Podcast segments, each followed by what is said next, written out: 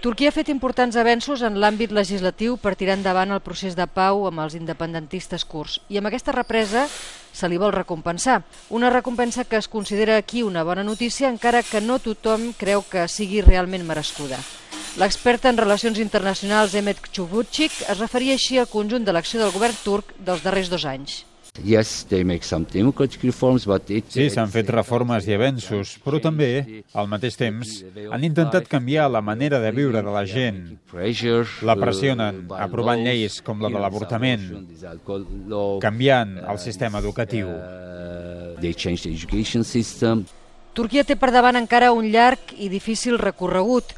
Entre les qüestions més conflictives, per exemple, hi ha el tema del reconeixement de la República de Xipre per part de Turquia. De moment, però, la feina començarà amb la Unió Europea centrant-se en la política regional, un tema que tampoc no és una qüestió menor. Maria Alba Gilabert, Catalunya Ràdio, Istanbul. Projecte Explica Europa a Europa amb el suport de la Comissió Europea.